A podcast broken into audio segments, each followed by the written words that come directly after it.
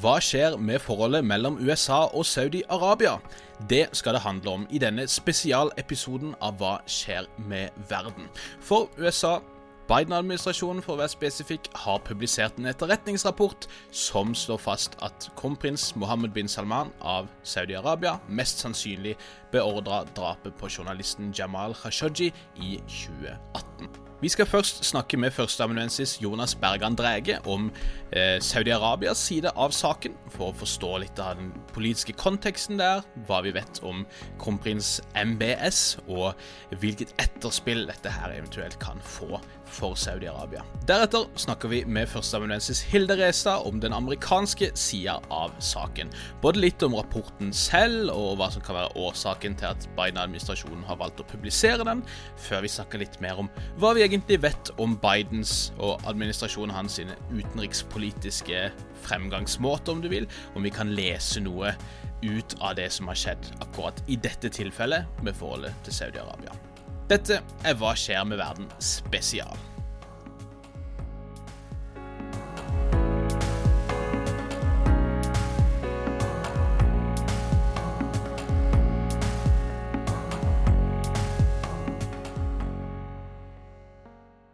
Hei og hjertelig velkommen til en ny spesialepisode av podkasten Hva skjer med verden? Denne podkasten for deg som er interessert i det som rører på seg innen internasjonal politikk, krig og fred, og det rører et sted midt innimellom. Mitt navn det er Bjørnar Østby, og som vanlig så har jeg med meg min gode kollega Nick Brandal. Hei, Nick. Hei, Bjørnar. God dag, god dag. Det er sol, det er fint vær, det går mot lysere tider. Det er fredag, til og med. Vi lovte det skulle komme en spesialepisode snarlig. Det tok ei uke nesten før vi fikk ut fingeren. Men eh, vi er ikke alene her i dag. Vi har eh, med oss to spennende gjester. To gode kolleger, får vi altså si.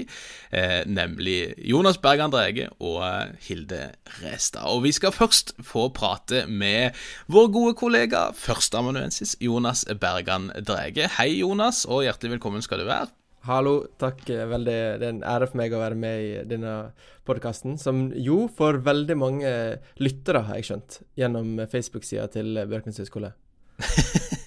det begynner jo å bli litt folk som følger med, så det er veldig hyggelig. Og, og vi satser på at det har en positiv effekt å få med Førde store sønn her også. Eh, vi har med Jonas fordi vi skal snakke om eh, det som rører på seg i forholdet mellom USA og Saudi-Arabia.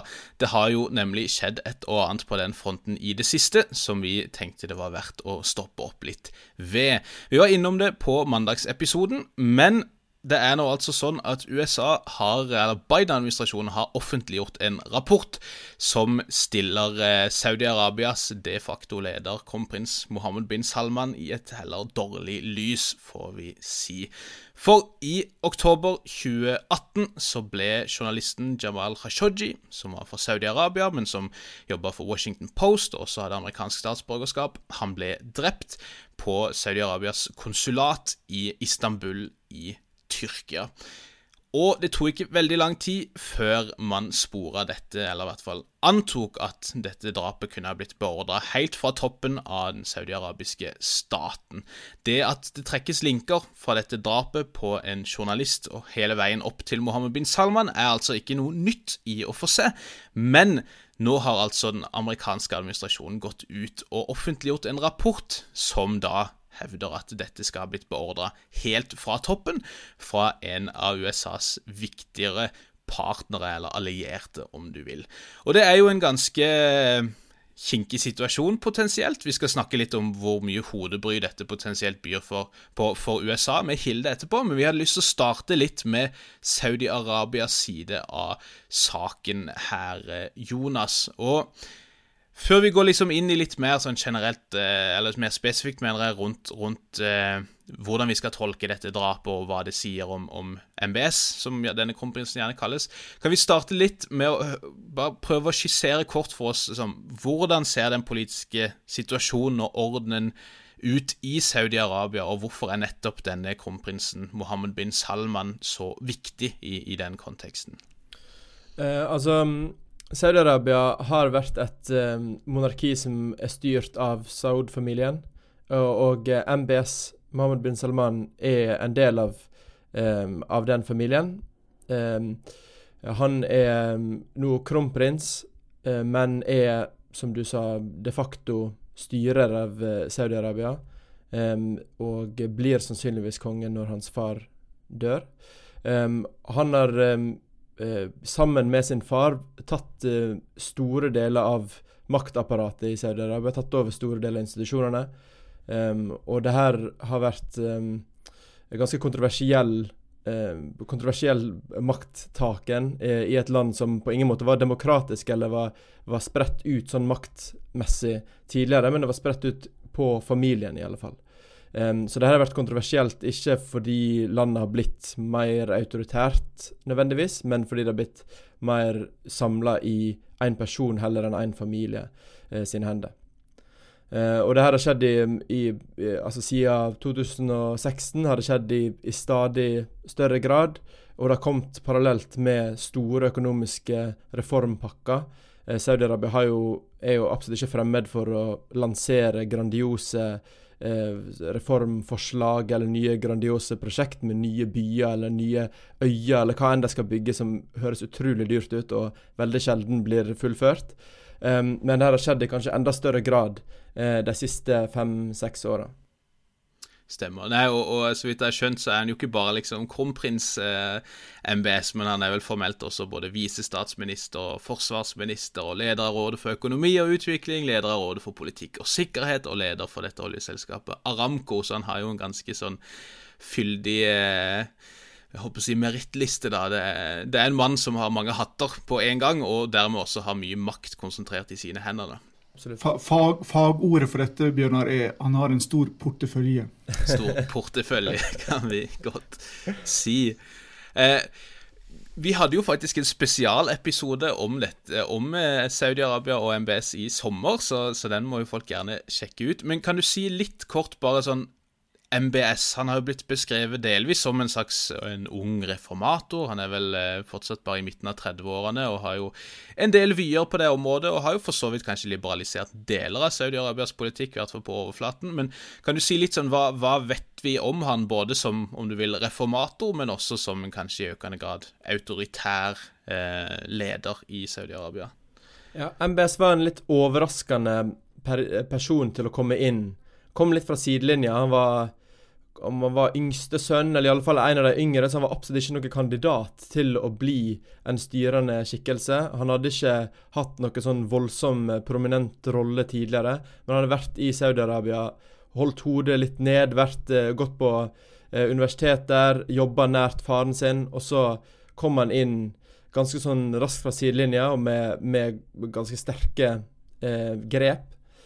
Um, og um, det, det, er vanskelig å si helt altså hva han egentlig er inspirert av, og hva som har skjedd, men det finnes noen sånne politiske biografier på, på MBS som er, som er, interessante å lese. og Mye av det her tyder på at han, selv om han er vokst opp i Saudi-Arabia og, og, veldig prega av, eh, av eh, lokal kultur mer enn mange andre i kongefamilien som har studert utenlands, så er han òg veldig inspirert av Hollywood-filmer og litt sånn, litt sånn cowboyaktig tilnærming. Og det òg preger òg en del av den innenrikspolitikken eh, som han har ført. Um, så det her drapet på Khashoggi er liksom Ja, det er på en måte representativt på at han blir politisk At han er politisk brutal, eller at han slår ned på, på mye sånn dissent innad. Men det må han på, sånn rent strategisk må han nesten gjøre det når han har kommet inn og vært så kontroversiell innad i kongefamilien. Så må han være ganske uh, hard i klypa der. Og det stemmer òg samtidig, det er jo litt mer sånn komplisert, det stemmer samtidig at han har gjennomført eh, liberaliserende reform for store deler av befolkninga, ikke minst for kvinner. Gjort det mye lettere for dem å, å komme ut i arbeidslivet, og lettere å, eller de kan kjøre bil. Eh, sloppe opp på en del sånne krav om det å forlate land uten å ha, en, uten å ha um, samtykke fra en verge, eller iallfall det skal være lettere å, å, forlate land og ha bevegelsesfrihet. Så det er en del sånne, sånne liberaliserende reformer som har blitt um, regissert av han. Og så er det en del sånne, uh, poli sånne strategiske politiske nedslag som han, som han, har regissert. Og så er det i tillegg en sånn kanskje sånn spontanitet, litt sånn eh, skyte fra hofta-tilnærming, som dette drapet kanskje var et uttrykk for. Ja, for det, det, er jo et spørsmål her med denne manglende CV-en, bør vi vel si mer enn en, en ja. CV. Mm. Altså, ikke sant, hvor, hvor, kompetent er han? Det han gjør, er det inkludert drapet på Khashoggi, er, er, det strategisk? Altså, er, er, han en kompetent leder? Eller er det et sånn half-baked, ungdommelig entusiasme som kan ende opp med hva som helst? Ja, altså, mitt inntrykk er at det, det, er en lite rutinert leder, en lite, og en li, lite dyktig leder på en, på en, del ting. Han har noen visjon rundt en del sånn økonomisk reform, og den viljen til å ta risiko på det er nok helt avgjørende. Um, det som ligger til bunns her, er jo at Saudi-Arabia har en helt spesiell sosial kontrakt, der, der, befolkningen har blitt bestokket. De, her, de, blir betalt um, med liksom veldig godt betalte um, offentlige jobber. De får veldig mye gratis, eh, veldig mye subsidier, mot at de ikke skal vise noe motstand, ikke stille noe krav til de politiske lederne. Og hvis de skal gjennomføre de økonomiske reformene som han står for, så vil det endevende veldig mye av disse eh, av denne sosiale kontrakten, og det fører veldig mye risiko med seg. Så på den måten kan du si at det å ha ungdommelig mot er liksom en helt nødvendig forutsetning for å klare å gjøre de reformene før det er for seint for Saudi-Arabia, men um, altså eh, han er nok ikke noen dyktig strateg, og så vidt jeg forstår Det kan hende at det her går over hodet mitt, men jeg klarer ikke å skjønne at det drapet var noe lurt på noen som helst måte. Veit vi noe om hva slags folk han har samla rundt seg? Altså, jeg, jeg vet at viseforsvarsministeren er broren hans Khalid, eh, som antageligvis er vel da, mye av samme type, men, men, men de andre mennesker der, altså er det folk som har kontakter og har nettverk i regionen og internasjonalt, og som har erfaring, eller er det folk som han sjøl?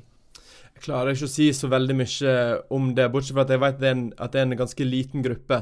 Eh, og det må være en liten gruppe, fordi at på kort tid så har han dytta ut ganske mange av de som har vært en del av statsapparatet tidligere, og de har jo hatt sine egne nettverk.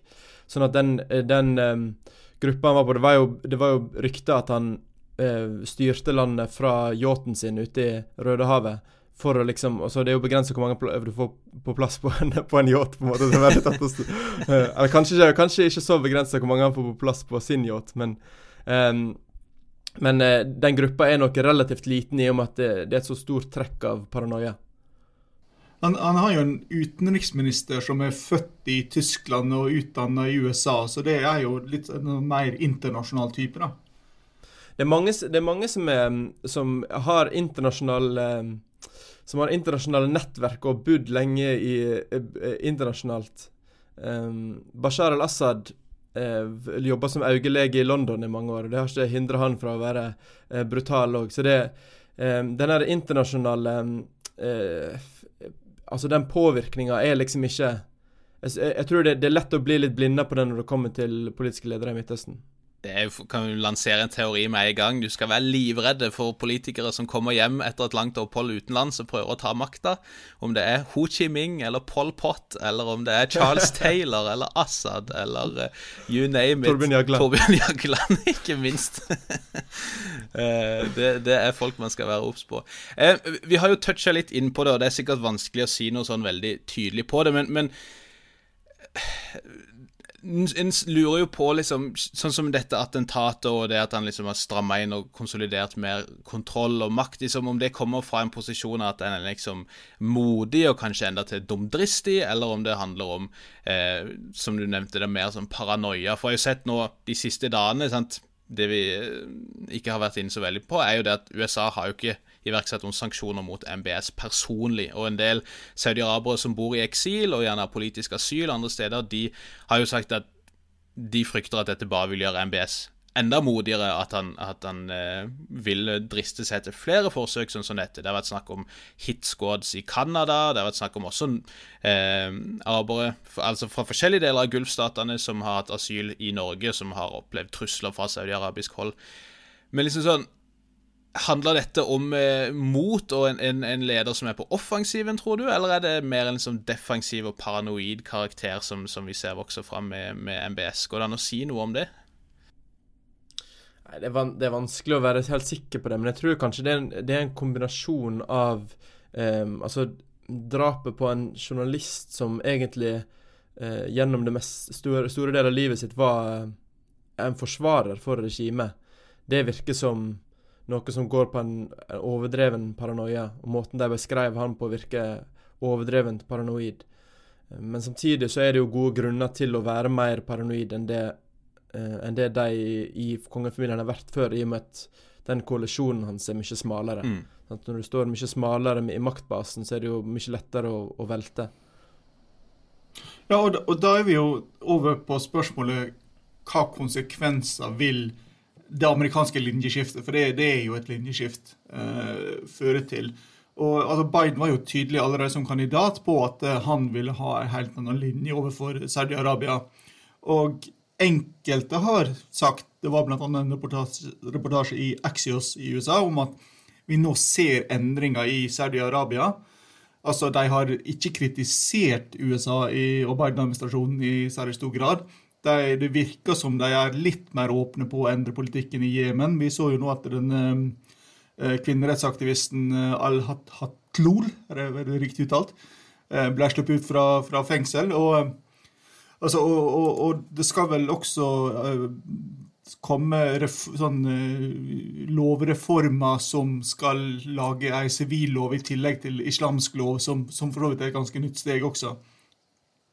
Så, så, så ser vi her en tilpasning til Biden-administrasjonen. Altså, Vil dette få virkning, eller er det umulig i dette regimet? Jeg tror, jeg tror at, det, at, det, er ganske stor interesse fra Saudi-Arabia i, um, i å beholde det forholdet. Sånn at jeg tror, jeg, jeg tror sånne, sånne concessions, det å gi fra seg en del eh, Eller gi en del sånn symbolpolitikk som gjør det lettere for Saudier og for USA å, å svelge eh, de problemene som de har med Saudi-Arabia, eh, er nok ikke så vanskelig for det saudiske regimet å, å, gi. Eller det er noe de kommer til å gjøre på slutten, uansett om det er MBS eller om det er en bredere koalisjon som, som styrer Saudi-Arabia. De vil nok veldig gjerne beholde det Eh, forholdet. Veldig interessant. Vi tenker jo å høre litt med, mer med Hilde om den amerikanske sida av, uh, av, saken også. For det, det, man har ikke iverksatt sanksjoner mot MBS, og, og selv om man har stoppa støtten til offensiv krigføring, såkalt, i Jemen, så, så, har man jo fortsatt understreket at dette er kanskje en rekalibrering av forholdet, men man ønsker å fortsette å bistå Saudi-Arabia med å beskytte sine grenser osv. Så, videre, så, så det blir jo fryktelig interessant å se hvordan dette utvikler seg, både nasjonalt og, eh, og regionalt, for så vidt, for begge partene.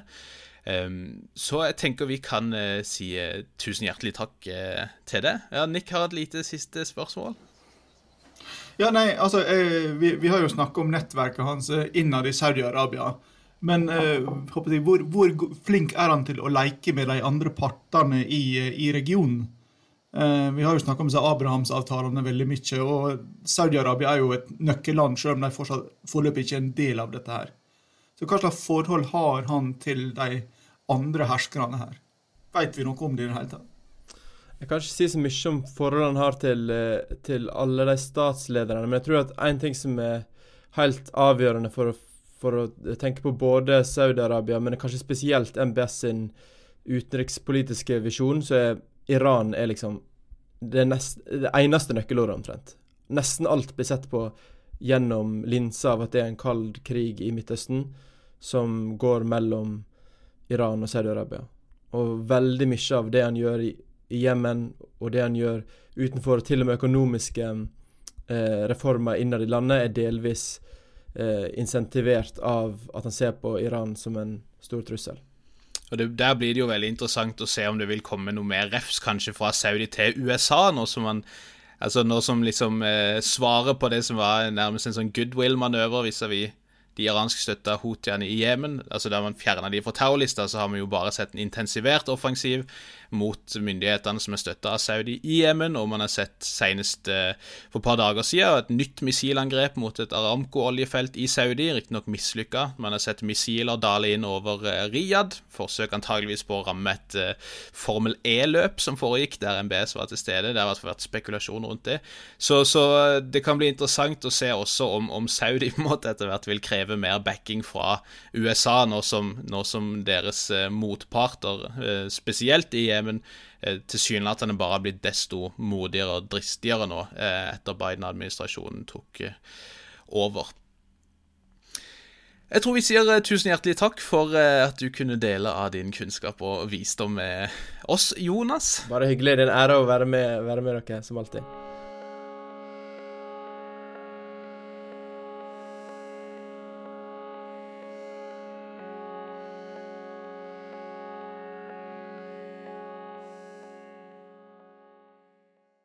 Da er det en glede for oss å ønske hjertelig velkommen tilbake til vår kjære førsteamanuensis Hilde Restad. Hei, Hilde. God dag, god dag. Velkommen skal du være. Og tenk, nå skal det ikke handle om eh, Trump for en gangs skyld. Det er Alhamdulillah, sier jeg bare. vi tar de seirene vi kan uh, få. Det, det, trenger ikke bety at det bare blir uh, liksom uh, hunky-dory for det, men, men, vi tenkte vi skulle fortsette den samtalen vi nettopp hadde med Jonas om dette forholdet mellom USA og Saudi og den lille kan ikke kalle det en krise, men den lille hodebryen som har oppstått der de, den, den, siste uka cirka etter denne rapporten om drapet på Jamal Khashoggi ble publisert. Og jeg tenkte Vi kunne, vi har hørt litt fra, liksom, eh, fra den saudi-arabiske konteksten, men tenkte å fokusere litt mer nå på USA. Både liksom hvordan det har blitt mottatt nasjonalt, og litt hva vi kanskje kan lese ut av dette om, om Bidens utenrikspolitikk. Så jeg tenkte vi kunne starte med denne rapporten som ble publisert for ca. ei ukes tid siden nå, hvor man egentlig da sier at det er god grunn til å tro at dette drapet ble beordra av kronprins Mohammed bin Salman. Kan du si litt jeg, Hvordan har dette blitt mottatt i en amerikansk kontekst? Og, og kan vi lese noe ut av dette om, om en ny utenrikspolitisk linje fra Biden-administrasjonen, gitt at de strengt tatt kunne valgt å feie dette under teppet om de, om de ønska? Jeg tror at altså, den eh, oppsummeringa som ble publisert, sa vel at det var sannsynlig at MBS hadde beordra enten at man skulle fange Khashoggi og ta han med tilbake til Saudi-Arabia, eller eh, bli kvitt han, i og med at han var en veldig kritisk eh, stemme. Um, og Biden var ganske hard i klypa mot Saudi-Arabia i valgkampen, eh, særlig i nominasjonskampen når han jo mm. drev og eh, konkurrerte mot andre mer venstrevridde kandidater som Elizabeth Warren og Bernie Sanders. Eh, og har vel referert til Saudi-Arabia som en paria. Eh, paria blir det vel på norsk. Bjørnar bare vent, paria, paria, what is that? um, men det vi ser nå så en ting er jo Det som er forskjellig fra Trump-administrasjonen, er jo for det første at Trump-administrasjonen nekta å offentliggjøre her, denne oppsummeringa av den rapporten til etterretningstjenestene, mens Biden-administrasjonen har publisert den, eh, som jo da er veldig pinlig for USA sin allierte Saudi-Arabia, fordi det viser jo involveringa. Mm. Sånn sett, så det er på en måte en slags eh, offentlig Litt sånn eh, gapestokk, da, at man velger å publisere den rapporten. Så sånn sett så ser man jo at Biden-administrasjonen ikke er redd for å um, være indirekte kritisk til Saudi-Arabia, mm. om ikke at Biden går ut direkte og sier 'dette var dumt'. Mm. Men samtidig eh, så er det ingen sånn direkte straff eller eh, konsekvens for eh, Mohammed bin Salman. Eh, USA skal innføre det, det som kalles for Khashoggi visumrestriksjoner, sånn at uh, ulike uh, offisielle aktører rundt omkring i verden som er involvert i å prøve å da capture or kill dissidents, at de ikke skal få lov til å komme til USA. Sånn at det skal mm. straffe seg å være med i sånne typer operasjoner. Men MBS sjøl eh, blir jo ikke egentlig straffa på noe som helst måte. Og så reaksjonene i USA var jo at Biden sine egne partifeller i Det demokratiske partiet var veldig skuffa. Og han har fått mm. masse kritikk, masse kritikk over hele linja. Både fra venstresida og høyresida for å ikke på en måte være klar nok i fordømmelsen, da. Eh, og det er klart at signaleffekten er jo ikke god. Signaleffekten er jo at hvis vi trenger deg, allierte, nok, så kommer vi ikke til å være så veldig harde i klypa. Um, mens reaksjonen fra utenrikspolitiske analytikere som er mer opptatt av det realpolitiske, er ikke så bekymra for det her, fordi at uh, de mener, og det er vel det som i syvende og sist har vært eh, evalueringa også til Biden-administrasjonen, at det bilaterale forholdet er såpass stort, viktig og langtlevende at det er, det er større og viktigere enn én journalist som har blitt drept. Men hvis du går tilbake til Biden som kandidat, sjøl i, i primærvalgene, så sto han jo for en ganske radikal utenrikspolitisk plattform.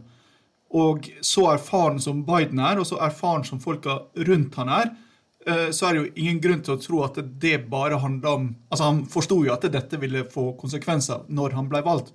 Og han har jo gjort det samme nå overfor Kina. Der har han fulgt opp det han sa i eh, Xinjiang, eh, i uigurene. Der har han fulgt opp. Han utnevnte Robert Malley som Midtøsten-sendemann, som var et veldig åpenbart signal. Så ser vi ikke her egentlig bare at Bidens, eh, det han sa som kandidat, er faktisk det som også blir utenrikspolitikken hans? Ja, jeg tror at man hadde forventa at han skulle være litt hardere mot, mot, Mohammed bin Salman hvis han skulle virkelig leve opp til valgkampretorikk. Men så er det ikke så mange som forventer at man skal leve opp til nominasjonsvalgkampretorikk heller, da. Eh, fordi at det tror jeg både Særlig internasjonale aktører er jo veldig klare på at det eh, amerikanske presidentkandidater sier når det er valgkamp, er ikke alltid det man trenger å forvente at de gjør når de blir president. Men Biden har en veldig rar Eller han har en veldig vanskelig utfordring. Fordi på den ene sida, som du sier, Nick, så er det åpenbart at eh, Biden-administrasjonen er på en måte en oppgradert og mer progressiv, kanskje, versjon av Obama-årene. Um, der Obama uh, sin tilnærming til utenrikspolitikk var ganske mer realpolitisk uh, enn det som har vært kanskje vanlig fra demokratiske presidenter, og mer realpolitisk enn det mange kanskje forventa, basert på hans valgkamp, så, jeg, så virker det som om Biden er mer har tenkt å plassere hans utenrikspolitiske tilnærming mer i den eh, verdibaserte leiren, og være mer sånn klar og tydelig på amerikanske verdier og idealer, som, som ikke er så rart, fordi at du har hatt fire år med en president som på en måte har trampa på amerikanske idealer og verdier. Så det er viktig å på en måte gjenopprette og styrke den delen av amerikansk utenrikspolitikk samtidig i og med at USA fortsatt er det mektigste landet i verden, så har det en rekke eh, sikkerhetspolitiske interesser og etablerte strukturer det USA må forholde seg til og, og ønske å styrke og ønske å bevare, som f.eks. det amerikansk-saudiske bilaterale forholdet, som er veldig viktig, eh, men som er et type forhold hvor, som er bare basert på sikkerhetsinteresse, og, og, veldig lite basert på felles verdier og, og normer. Men vi, hvis vi ser på det som faktisk ble gjort, eh, sanksjoner mot våre 78 personer, navngitte personer, og i tillegg åpning for eh, en lang rekke flere sanksjoner som kan komme, frys av våpensalg Man har vel stoppa de direkte droneattentatene i Jemen og en del andre konfliktområder. Men har vi noe eksempel på at USA har innført så strenge sanksjoner mot en alliert før? Strenge pekefingre mot allierte må vi kanskje tilbake til eh, Suez-krisen for å finne. Eh, men Nei, altså, jeg tror at Biden-administrasjonen eh, kan, som du jo gjør nå, har en ganske god case hvis de ønsker å argumentere for at vi er faktisk strengere mot Saudi-Arabia enn du, du, finner tilbake i tid hos noen andre eh, administrasjoner. Og sånn sett så er dette et stort steg fremover for dem som ønsker en mer verdibasert eh, utenrikspolitisk tilnærming. Samtidig som fordi at Khashoggi bodde i USA, jobba for Washington Post, så tror jeg at det er mange, mye følelser rundt det her, og at veldig mange toneangivende amerikanske analytikere og journalister hadde forventa seg mer og er veldig skuffa og har skrevet mange artikler om hvorfor de er skuffa um, den siste uka. Men jeg, tror, altså, jeg er tilbøyelig til å være enig med den, ikke at Biden-administrasjonen har gått lenger enn det man er vant til å se. Uh, men det er ikke langt nok for dem på venstresida. Nei, og det Jeg tenker jo sånn fra MBS i side, da. Han er jo nokså lur når han først eh, Det er jo sånn man må gjøre det i arbeidslivet òg. Bare vikle seg inn i så mange prosjekter som mulig, sånn at det er vanskeligere å fjerne det. Men sånn som for han også Han er jo Fotnote. Hvordan Bjørnar fikk jobb på Bjørknes høgskole? Nei da. Helt korrekt. Helt korrekt. Eh, nei, men sant, han, han, sitter jo med så mange lederverv. altså Ikke bare en kronprins og visestatsminister og forsvarsminister, men han er også lederverv i Aramco, dette oljeselskapet. ikke sant? Sånn at jeg tenker jo liksom Konsekvensene av, av, sanksjoner mot ham personlig vil jo også kunne ramme en hel rekke andre interesser eller ting som USA er avhengig av at fungerer godt på de traktene. da, Så, så jeg tenker jo han, han kanskje til en viss grad har greid å gardere seg imot sånne mer personlige sanksjoner, rett og slett fordi at det vil komplisere ting så mye for USA further down the line. Men så er det nok heller ikke Det har nok, vil jeg tro, lite å gjøre med de personlige aktørene, fordi at det bilaterale forholdet har vært er jo et av de lengste USA har hatt. USA ble involvert i Saudi-Arabia lenge før andre verdenskrig. Har jo vært med å utvikle oljeindustrien i Saudi-Arabia. Du, du nevnte Aramco. Det het jo nå heter det vel Saudi Aramco, men det, het, det var jo egentlig det amerikansk-saudiske oljeselskapet, eh, hvor USA har vært ekstremt involvert. Og som vi vet, i det 20. århundret ekstremt avhengig av eh, Saudi-Arabia sin oljevirksomhet, og både sånn internasjonalt, men også selvfølgelig som en importør.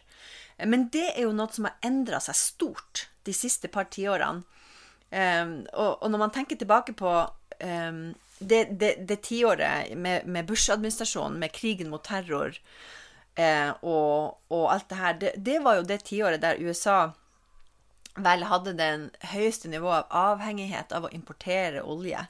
Eh, det var vel i 2005, tror jeg, det pika med hvor mye olje, eller petroleumsprodukter som det heter, USA importerte fra verden, og da særlig fra, fra Saudi-Arabia og, og, en del andre land. Men det har jo vært det har vært en revolusjon der, eh, som alle er klar over, og det har gått veldig fort. Um, og i 2017 så produserte altså da USA 77% av sin egen petroleumsprodukter som de er avhengig av. Og veldig lite av det de importerer, kommer fra Midtøsten og Saudi-Arabia. Så her har det endra seg kjempemye. Men det betyr ikke at USA ikke fortsatt er avhengig av Saudi-Arabia. Ikke for egen import, men pga. stabiliteten til verdensøkonomien og andre allierte som er veldig avhengig av å importere olje fra, fra Saudi-Arabia. Og i tillegg til det så handler jo også det bilaterale, bilaterale forholdet om andre ting, eh, som om Midtøsten og det USA ofte snakker om som en sånn stabilitet, at de mener at Saudi-Arabia er en kilde til stabilitet i Midtøsten, tenker jeg at det kan man diskutere. Men uh, Saudi-Arabia har vært ansett for som en aktør som bidrar til stabilitet i Midtøsten på vegne av USA, og USA hadde jo i hele Gjennom uh, den kalde krigen så hadde jo USA den såkalte uh, three pillar policy. De, bygde opp, de hadde forholdet med Saudi-Arabia, så hadde de selvfølgelig da et forhold til Iran, som var veldig viktig frem til 1979, hvor det gikk åt geiken. Eh, som var en av grunnene til at det var så utrolig viktig at Obama klarte å tilnærme USA Iran igjen eh, da han var president. Også Israel. Og Israel og Saudi-Arabia er jo en egen interessant historie eh, med USA i midten. Eh, sånn at det er ikke bare USA og Saudi-Arabia her. Det er ikke bare Mohammed bin Salman. Det er et mye større bilde. Ja, og det leder egentlig fram til det neste spørsmålet jeg hadde, det, nemlig om er det vi ser hos Biden nå, egentlig noe som kan være ganske konturene av noe som kan være ganske revolusjonerende, nemlig en veldig finkalibrert utenrikspolitikk med sånn micro-targeting, altså der man bruker et stort sett med virkemiddel på veldig mange forskjellige nivå samtidig, eh, retta mot ett mål. Ja, altså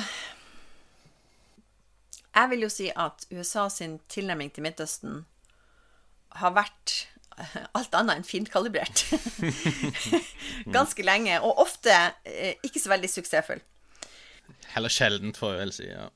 Ja, og det er jo på en måte en egen historie og en egen podkastserie, egentlig, som hadde vært veldig fascinerende å, å lage.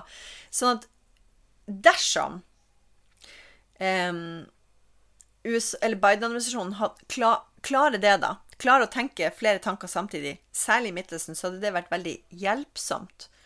Um, også fordi at det virker som om Biden-administrasjonen skal forsøke seg på en veldig rar balansegang, hvor det både handler om en sånn mer progressiv, mer um, modigere versjon av Obama-årene, på en måte. eh, utenrikspolitisk, hvor man tør å tenke litt nytt. Obama forsøkte seg litt på å tenke litt nytt, fikk veldig mye backlash, veldig mye kritikk. Mens det virker som om Biden-administrasjonen har liksom fått, igjen, fått motet da. De siste fire årene så har motet blitt større, de har blitt modigere. Eh, og nå skal de på en måte ut og forsvare amerikanske verdier og, og idealer. Men samtidig så er det også da at USA er en aktør som skal forsøke å på en måte forhindre disintegrasjon av hele det her såkalte liberale internasjonale systemet som USA bygde opp etter andre verdenskrig, som virkelig knøyk i sammenføyningene etter fire år med Trump, men også pga. andre ting som skjedde før Trump. Så, så, det er en sånn nesten umulig balansegang mellom det å være bigger, bolder, more progressive, og det å forsøke å ikke være den som overværer um, egentlig oppløsninga av det, den rollen USA har spilt siden 1945. Nei, Det vi har sett f.eks. med Myanmar, er jo at de, det ser ut som Biden-administrasjonens svar ved sida av sanksjoner, målretta sanksjoner, og ikke sånn breie catch all-sanksjoner, eh, er å også prøve å bygge sånn adhoc-allianser eh, lokalt, regionalt, internasjonalt. Altså at de har sånn flere nivåer med allianser og flere nivåer med integrasjon i disse koalisjonene de prøver å, å bygge samtidig.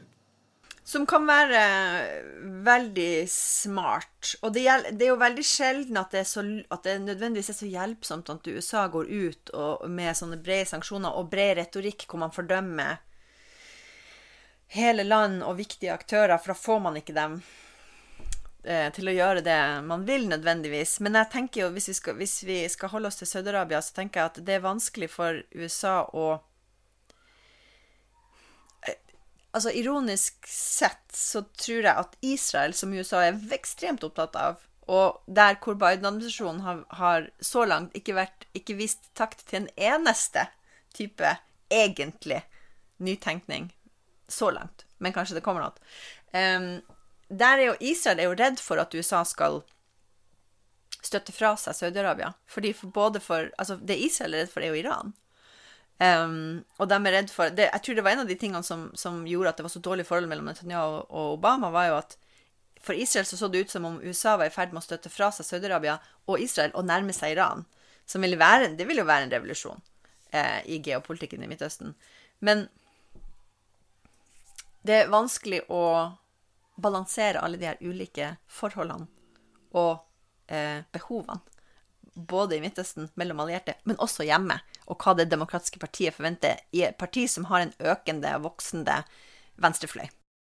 Vi snakker jo om det var vel på mandag, tror jeg, Nick, men det som gjør det så vanskelig, er at det er jo så mange wildcards her, og det er jo noe vi har sett hele veien, at det er jo faktisk ikke USA som bestemmer hvilken skjebne regionen har, på en måte. Det er jo noe kanskje spesielt en del folk på, på ytre venstre ikke alltid ser at liksom, lokale aktører kan både ha agency og være kompetente og kan være wildcards. så Vi har jo snakka både om hotiene i Jemen, da, som, som eh, har jo svart på litt sånne goodwill-manøvre fra amerikansk hold med å bare geine inn droner og missiler over Saudi-Arabia. Og vi har sett også stadig flere rakettangrep mot eh, amerikanske baser og mot amerikanske internasjonalt personell i Irak og sånn. sånn så det, det, er jo andre her også som, som kan uh, forvikle dette forholdet med Saudi-Arabia ytterligere. da.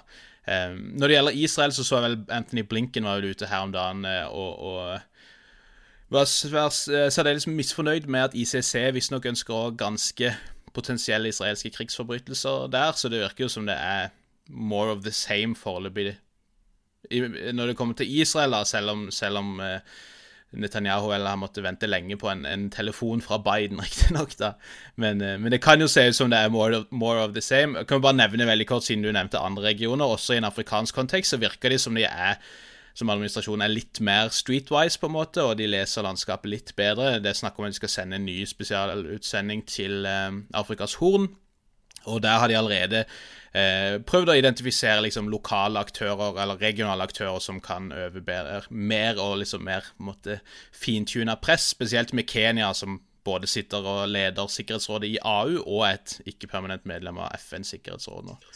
Ja, også det kan det, Bare for å si det veldig fort. altså Trump-administrasjonen hadde jo I don't know, det laget til republikanerne med seg for å forme utenriks- og sikkerhetspolitikken. Og, og Biden-administrasjonen har A-laget til demokratene, som bare har vært fire år eh, ute av, makt, ut av makt, uh, maktens korridorer. Sånn at kompetanse burde være det minste vi kan forvente fra Biden-administrasjonen. Altså, men det er jo ganske interessant når du trekker inn Afrika, at uh, i 2021 så har vi hatt sånn et knapt ti droneangrep i Somalia. Samtlige før 22.1.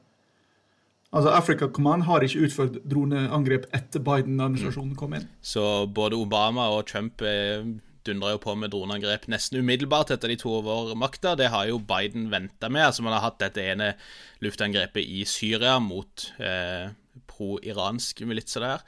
Men, men eh, ja, det er jo det som er interessant, som Nick også antyder, at det virker jo som man på en måte prøver å bruke softere midler der det er mulig, og eventuelt ty til litt strengere virkemidler som, som sanksjoner, men at man samtidig da også forbeholder seg liksom muligheten og, og trusselen med faktiske liksom væpna voldelige midler der man tenker at det er hensiktsmessig. At man kanskje har funnet en litt finere balanse da enn det både Obama- og Trump-administrasjonene evna.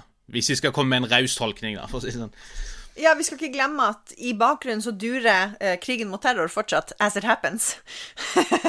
I Afghanistan og i, i, form av dronekrig i ulike områder i verden.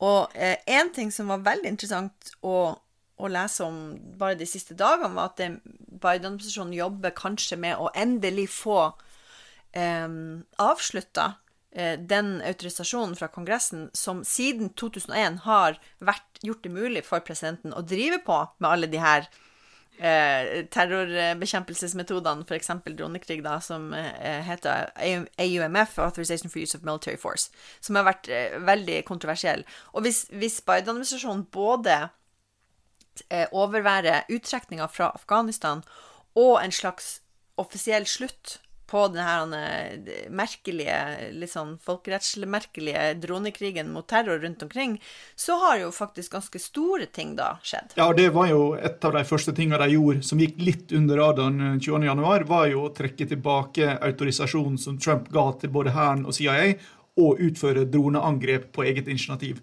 Nå må det innom politisk ledelse før de får lov til å gjøre det. Ja, sånn at det kan Altså, jeg ser på en måte taktene til um, viktig viktig justering i amerikansk utenriks- og sikkerhetspolitikk. Men samtidig, som vi ser med USA og Saudi-Arabia, så er det på en måte visse ting som er satt, som man ikke får endra på, som er veldig viktig, selv om det skjærer i sjela. Ja, altså det er klart at Når Bjørnar nevnte ICC-etterforskninga på uh, okkuperte områder, eller, så er jo dette noe som nær, nær sagt alle stater syns er problematisk. Altså, eh, det er, det er, ikke stor appetitt for å støtte den etterforskninga, fordi alle frykter jo at det kan ramme dem sjøl. Altså, alle som er i Afghanistan nå, eh, har jo en frykt for at det også kan bli deg i neste omgang. Men akkurat når det kommer til USA, Israel og Palestina, så er det vel ikke det, det, det vil ikke være overraskende om det ene området der Biden-administrasjonen ikke tenker nytt og progressivt, er akkurat Israel-Palestina. For det har jo vært en egen saga i amerikansk utenrikspolitikk veldig lenge veldig, veldig interessant å, å, høre, og veldig hyggelig at du kunne komme innom og bare øse ut av din eh, visdom, Hilde. Eh, en ære, en ære å bli invitert.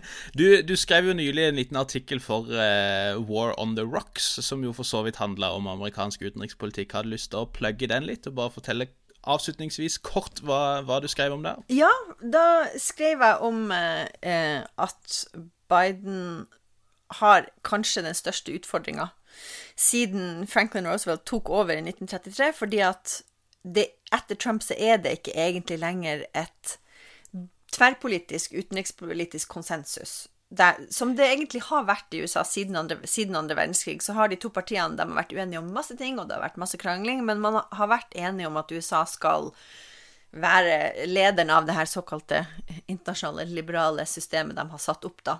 Trump ødela egentlig det konsensuset, og nå er det ikke lenger noe enighet mellom de to partiene, eller internt i de to partiene, om hvilken rolle USA egentlig skal spille internasjonalt. Og for at Biden Altså, det er jo en enorm oppgave, eh, og kanskje en umulig oppgave, å skulle liksom få det her til, fordi at det avhenger av aktører som Biden har null kontroll over, f.eks. det republikanske partiet. Men det jeg skriver om i artikkelen, er at for at USA skal finne ut hvilken rolle de nå ønsker å spille internasjonalt, så må de først finne ut av hvilket land de skal være på hjemmebane. Hvem, hvilke, hvem de er, til dels bestemmer hva de vil internasjonalt. Og det, jeg tror at hvis det vi ser nå, er på en måte en slags i USA Alle de rare tingene som har skjedd i USA de siste årene, er nok symptomer på en dypere um, gjennomgang, introspeksjon på hvilket land skal USA egentlig være, hvilke verdier skal vi stå for. Um, og de to tingene henger sammen, det innenrikspolitiske og det utenrikspolitiske. Og det, liksom, det, det havner i Biden sitt fang, mm, og, men det er klart at det er ikke noe han alene kan fikse. Nei, for der, der, er det jo et interessant poeng som du nevnte, at uh, Trump sitt uh, utenrikspolitiske lag det var DE og F-aktører. og hvis du ser på uh, de som har frem, Du tro, dro frem F-en, ja. ja jeg, jeg, tror du må ned dit. Altså. Sånn er det når man sensurerer. Nei, og, og, det er klart at Hvis du ser på de som ble såkalte never Trumpers, og som gikk ut, så var det jo veldig mange av uh, de som var opptatt av utenrikspolitikk og sikkerhetspolitikk. Så altså, hvem er det egentlig i, igjen i det republikanske partiet som nå har dette som sitt hovedtema, ikke minst i Senatet? Og, og, og, og, hva står de egentlig? Nei, så det De kanskje tidligste kritikerne av Trump i det republikanske partiet var Veldig mange av dem var dem som er opptatt av utenriks- og sikkerhetspolitikk, og mange av dem var de gamle eh, eh, Hauk. Ja, Haukan, Jeg skulle til å si villains. fra George W. et al. ja, de neokonservative fra krigen mot terror. Hele den gjengen som eh, man kanskje lærte seg å ikke like på 2000-tallet. Eh, kom tilbake nå som Never Trumpers og sa det her skal ikke vi stå for, fordi at det Trump står for internasjonalt, er ikke det USA skal representere. Hvis du først skal starte kriger, så må du ha skikkelige verdier i bånn. It's gotta be for the right reason, baby. Yes. Democracy. Come on. Um, exactly. Men jeg kan jo godt se for meg at mange av dem kommer tilbake eh, i neste republikanske administrasjon, så bare så lenge det er noen som ikke er Trump, så tror jeg de kan eh, finne på ganske mange unnskyldninger for å Altså, du så jo John Bolton, en veldig prominent aktør i George W. Bush-årene. Mm. Eh, Jobba jo for, for Trump-administrasjonen, og, og, så slutta han å skrive en bok om hvor forferdelig det var, men det var jo ikke noe at man visste noe Det var jo ikke noe han hadde lært når han var ferdig, som han ikke visste før han begynte. For å si. Kaster vel seg sjøl under bussen i samme slengen på en måte med en del av sine vyer og takes der, så. Nei, det, det, var jo interessant at den første undersøkelsen Pew gjorde for ja, 14 dager siden nå, så var det vel sånn ca. 60% av amerikanerne som sa at de stolte på eller støtta Bidens utenrikspolitikk som var ganske mye høyere enn eh, en Trump, det var vel 46, men også ganske mye lavere enn Obama, som var høyt på 70-tallet en plass. Da det, med det samme begynte. Ja, og det som har vært, det som har karakterisert egentlig konsensus jeg refererte til i sted, det er jo at der du har hatt tverrpolitisk eliteenighet i amerikansk utenrikspolitikk, så har det ikke nødvendigvis vært sånn at velgerne har vært så interessert eller med eller enig, men det har vært elitekonsensus. Nå har du nesten det motsatte, hvor du har Og det så du i Trump-årene, at Trump-effekten var jo at han førte til at amerikanere ble mer vennligstilt overfor internasjonalt samarbeid og, og amerikansk involvering, fordi de, de var imot det Trump gjorde. Så du har nesten nå et sånt eh, et konsensus i folket som ikke gjenspeiles i elitekonsensus. Det, det, det, det, gjenspeiles ikke i Washington DC fordi det republikanske partiet er på en måte fraværende. Men nå har vi begynt på en annen samtale. Vi har det. så Vi får lage en ny serie, Hilde. Eh, dere kan lese artikkelen til Hilde hvis dere går til warontherocks.com. Den heter 'Burning City on a Hill', gjør den ikke det? Altså, det, Tenk nå. Jeg skulle ønske jeg kom, kom på den tittelen sjøl, for det syns jeg var It's on fire. A burning city on a hill, kan dere google. Google det. Og hvis du vil høre mer om mer sånn amerikansk politikk, så kan du sjekke ut serien med Hilde, som heter Det amerikanske paradokset. Eh, hvis du vil høre mer om eh, Saudi-Arabia, så kan du jo høre den episoden som vi lagde med Jonas i sommeren 2020, som heter Hva skjer i Saudi-Arabia? Og så sitter Nick her og kribler etter å si noe. Hva vil du si, Nick? Ja, nei, eh, vi har jo allerede egentlig sagt det, at det vi må jo lage serien 'Det amerikanske utenrikspolitiske paradokset'. Yes! yes. Få det på. Få det på. Eh, vi får eh, nok en gang, Hilde, si tusen hjertelig takk eh, for at du svingte innom. Du er alltid hjertelig velkommen. Det er jo alltid hyggelig å prate med dere. I like så måte. Eh, takk til deg som vanlig, Nick. Sjøl takk, Bjørnar. Takk for oss, og så er vi tilbake som vanlig på eh, mandag den dag. Vi snakkes.